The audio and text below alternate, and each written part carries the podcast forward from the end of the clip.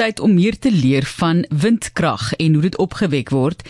Iemand het onlangs my ook 'n e-pos gestuur gesê, "Man, ons was nou op hierdie sloer toer deur die land en ons sien toe nou hierdie klomp kragturbines wat werk. Waarheen gaan al hierdie krag? Asseblief keer vir ons uitvind." Toe besluit ons ons vind sommer uit hoe werk dit in die eerste plek. Pieter Oosthuizen is in die ateljee. Hy is die voorsitter van SWEA of SWEA se bate werkgroep en weet baie van hierdie onderwerp want ons wil weet hoe energie opgewek word met windkrag. Baie welkom. Dankie Marlies. Is dit 'n komplekse proses of is dit redelike 'n direkte proses wat jy vir ons gaan verduidelik? Nee, wat ek um, moet sê die benutting van windenergie is eintlik al iets wat eeue al amper 2000 jaar saam met die mensdom kom en um, dit was vir baie jare gebruik vir om ehm um, nuttige werk te verrig soos die maal van graan of om water te pomp. En ehm um, gelukkig nou deur die vooruitgang van ehm um, sekere moderne tegnologieë soos veral die drywingselektronika en die ehm um, gevorderde vloeidinamika is ons vandag in staat om elektrisiteit op 'n betroubare en 'n grootskaalse bekostig bekostigbare manier uh, met windturbines te genereer. Ja. So wonderlike agtergrond ja. Nee gaan voort jy wou ja, gesê. ja en en die proses is eintlik nie dis nie so ingewikkeld nie. Ehm um, ek kan vinnig asseblief vir ons hoe werk dit ja. hoe dit gedoen word maar ehm um, elke windturbine en ek praat nou spesifiek van die groot ehm um, industriële groot windturbines het 'n 'n wind en 'n 'n windspoed en 'n windrigting sensor op die turbine.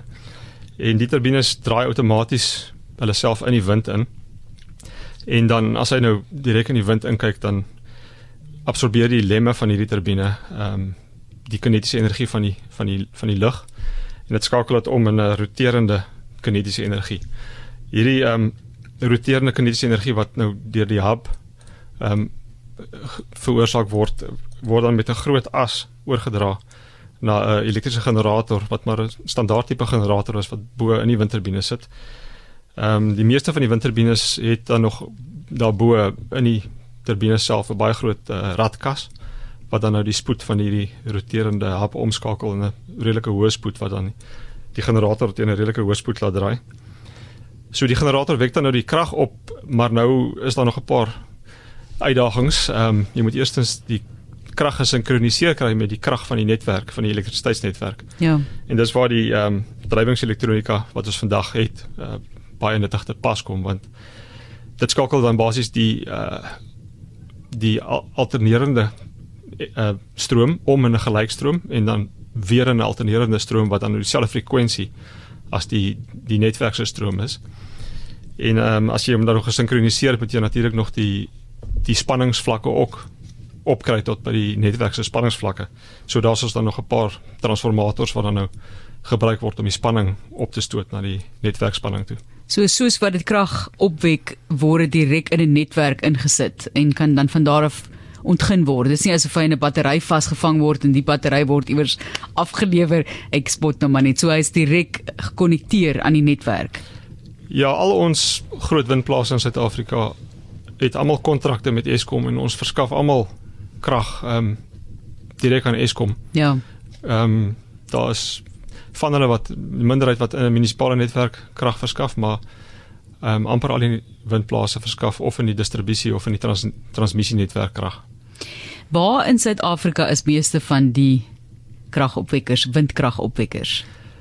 Ja, so die mense probeer nou maar obviously die windplase daar plaas waar daar baie wind is en ons meeste wind is in ehm um, die Noord-Kaap, die Wes-Kaap of die Oos-Kaap. Uh, dis maar die drie, drie provinsies waar daar 'n goeie uh ja, wind uh, ja. resource is. En is dit nou op 'n persoon se plaas? So word daar spasie gehuur of is dit plekke wat op 'n plaas spesifiek net byvoorbeeld vir windkrag en nie enige ander boerdery praktyke nie? Nee, meeste van die windplase, uh 90% plus is op boere se plase en daar is hier ooreenkomste met die boere wat ehm um, die windturbines word op hulle grond geplaas maar die, die mooi ding daaromtrent is dat die boere kan nog aangaan met hulle normale ja. boerderyaktiwiteite so ons beïnvloed eintlik glad nie die landbou produksiepotensiaal van die grond nie. Ek het al gesien ook en ek, ek kan glad nie onthou presies waar nie, maar 'n mens sien ook byvoorbeeld dat daar windturbines in die see uh, jy weet gefundeer word op 'n manier hoekom sal hulle daardie area kies is dit nou maar net nie om land in beslag te neem nie.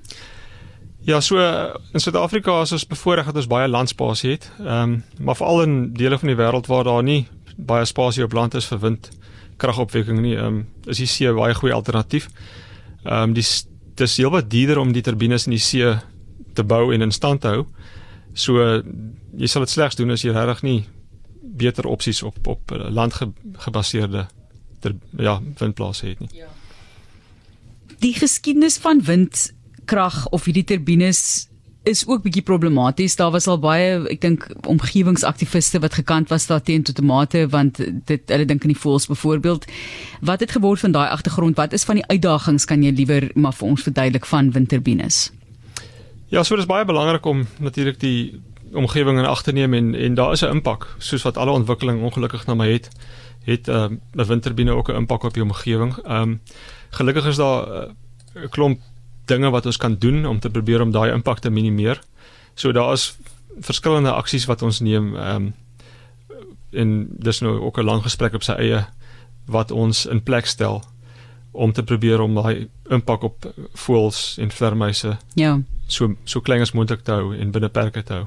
Daar is natuurlik vlakke hiervan ook en in terme van windkrag, daai turbines is massief. Geen net vir ons 'n idee hoe groot is net een wat is wat hoe kan 'n mens dit stel?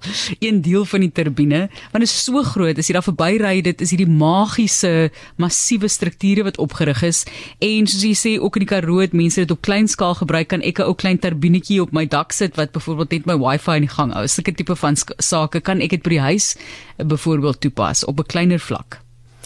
Ja, so die windturbines is eh, ons moet soos die Amerikaners sê bigger is better. So ehm um, dit dit neig deesdae net groter en groter want dit hoe groter die turbine is, hoe meer koste-effektief.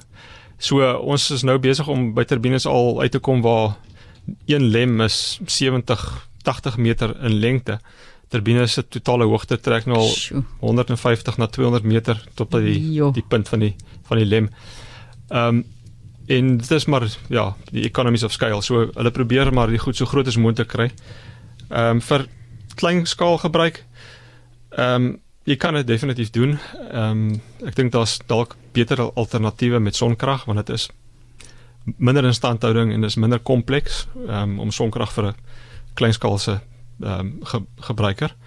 Ehm um, maar daar's ook 'n plek vir klein klein winterbinetjies waar ehm um, mense graag 'n goeie kombinasie van son en wind byvoorbeeld wil gebruik en waar hulle glad nie die netwerk krag kan as 'n as 'n backup hê nie, is dit baie keer die moeite werd om te kyk na 'n klein winterbinetjie, maar meestal sal ek sê sonkrag is makliker om te implementeer. Ja.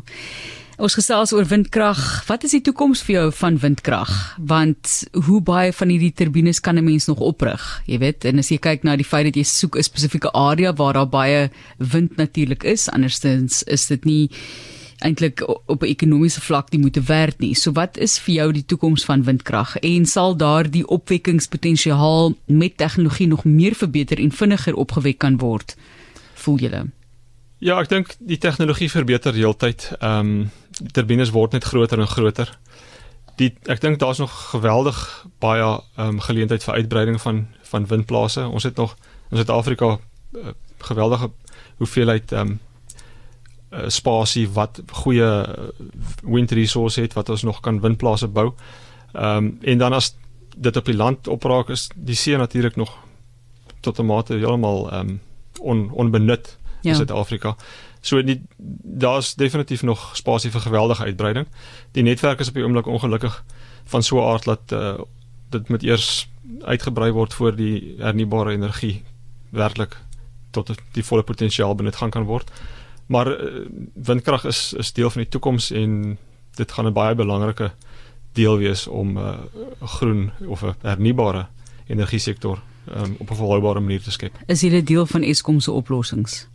Verseker, ek dink dit is um, een van die belangrikste oplossings vir ons land vir uh, meer energie.